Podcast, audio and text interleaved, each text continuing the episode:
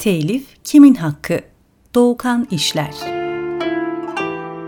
Telif kelimesi Arapça alışmak, tanışmak fiilinden türemiş. Uzlaştırma anlamına geliyor. Nasıl olmuş da kişinin her türlü fikri emeğiyle meydana getirdiği ürün anlamını kazanmış onu bilemiyoruz. Ya da biliyoruz ama işin o kadarını araştırma kısmını siz değerli okura bırakıyoruz. İş bu kelimenin bir de eser yazmak anlamı var ki ilk anlamdan buraya kadar nasıl gelmiş iş bunun açıklamasını da bilmeyip de bilmekten gelebilmek için Tahirül Mevlevi'ye başvuruyoruz. Hazret şöyle diyor. Müellifin bahisleri birbirini ısındırmak suretiyle kitabına derc etmesi ve eserinde birçok malumat vermesi kitap yazmaya, telif denilmesine sebep olsa gerektir. Malumunuz 2019 yılının yayıncılık camiası açısından en gözde konusu Sabahattin Ali'nin eserlerin telif haklarının kamulaşması. Bilindiği üzere eser sahibinin ölümünden 70 sene sonra telif hakkı koruma süresi bitiyor ve eser kamulaşıyor. Yani hiçbir mirasçı ya da telif hakkını elinde tutan kurum artık o eserler üzerinde hak iddia edemiyor. Bu 70 yıl meselesi de hali tartışmalı bir süre tabii. Bazıları bu süreyi oldukça uzun buluyor, bazıları ise epey kısa. Hatta bazı yazarlar için özel uygulamalar olması gerektiğini savunan, özel olarak bazı yazarların telif hakkı koruma sürelerinin uzatılması tartışmalarını ortaya atanlar da mevcut. Birkaç örnek üzerinden telif hakkı kamulaşmasına genel bir bakış denemesi. 1948 yılında elin bir suikaste kurban giden Sabahattin Ali'nin de eserleri 2019 yılı itibariyle kamulaştı ve artık her yayın evi bu eserleri yayımlama hakkına sahip oldu. Tabi her şeyden ziyade Kürk Mantolu Madonna romanının özellikle son yıllarda popüler olması, sosyal medya deyince akla gelen ilk kitap olması, hani fotoğraflarda kahve fincanlarının en birinci arkadaşı ve elbette çok satması işin en çekici olan yanı.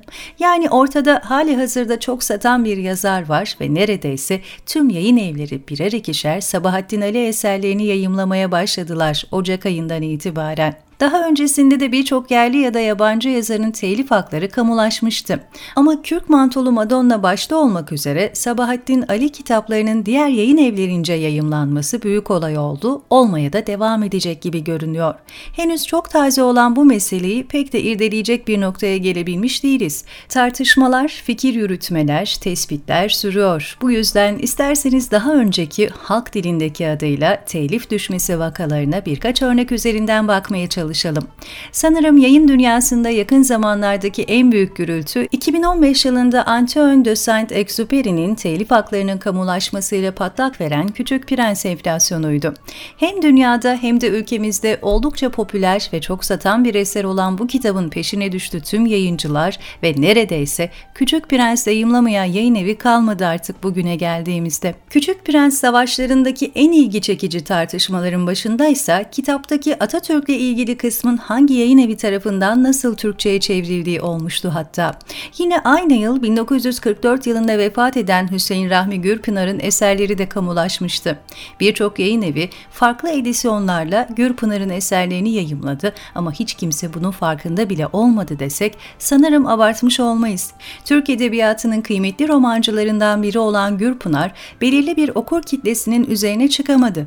Her ne kadar günümüz Türkçesiyle bile yayımlansa yayın yayın evlerinin gözde yazarlarından olamadı. 1942 yılında yaşamına son veren Stephen Zweig'ın eserleri ise şimdilerde çok hem de daha önce hiç olmadığı kadar popüler Türkiye'de. Zweig örneği Gürpınar gibi belirli bir okur kitlesine sahip bir yazardan Küçük Prens çıkarmak örneği olarak yayıncılık anlamında önemli bir yerde duruyor.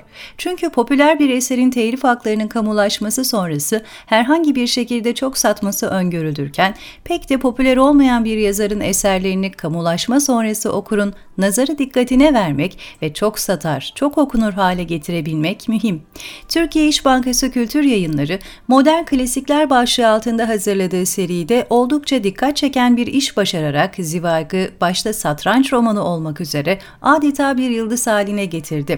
Uygun fiyat, ilgi çekici bir ebat, okura bir kitap bitirmiş olmanın hazzını kolayca veren az sayfa sayısı ve benzeri birçok takdire şayan harika harika bir konumlandırma yaparak belki de son yılların en başarılı yayıncılık işini yapmış oldu. Kısıtlı bir okurun ötesine geçmesi pek de düşünülmeyecek Zivak eserlerini on binler sattı. Hatta Zivak lokomotifinin peşine diğer tüm modern klasikler kitaplarını da vagon vagon ekledi ve Türk klasikleri de yayımlamaya başlayarak eklemeyi de sürdürüyor.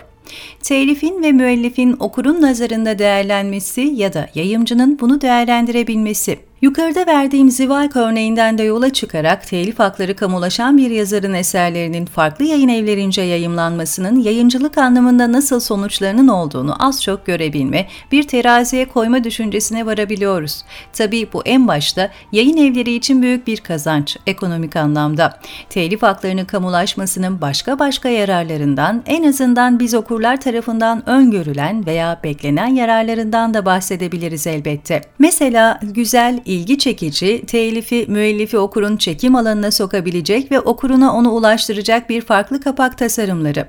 Okurun akademik anlamda da faydalanabileceği eleştirel basımların yapılması. Daha rahat taşınacak ebatlarda, daha kolay okunacak puntolarla yayımlamak.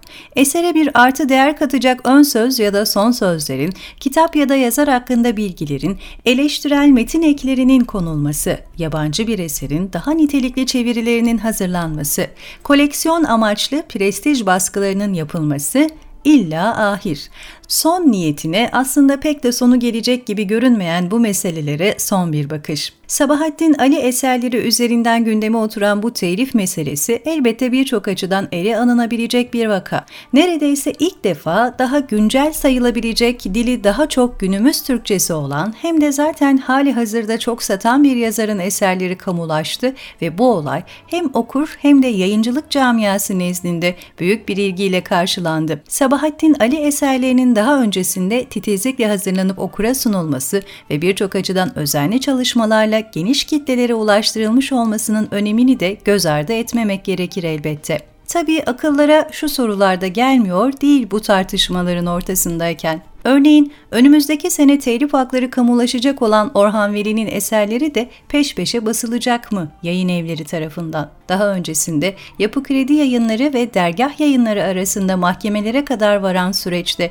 telif hakkı konusu gündeme gelmiş olan Ahmet Hamdi Tanpınar'ın eserleri 2032 yılında kamulaşınca ortaya nasıl bir manzara çıkacak ya da belki daha kamulaşmasına 28 yıl var ama Oğuz Atay'ın oldukça hacimli eserlerini tüm yayın evleri yayımlama yarışına girişecek midir dersiniz?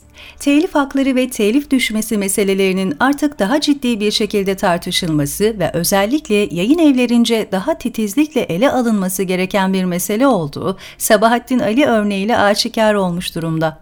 Peki sonuç itibariyle mirasçılar hiçbir hak talep edemeyince kamulaşan eserlerin kazananı kim olacak? Yayın evleri mi yoksa okurlar mı? Göreceğiz.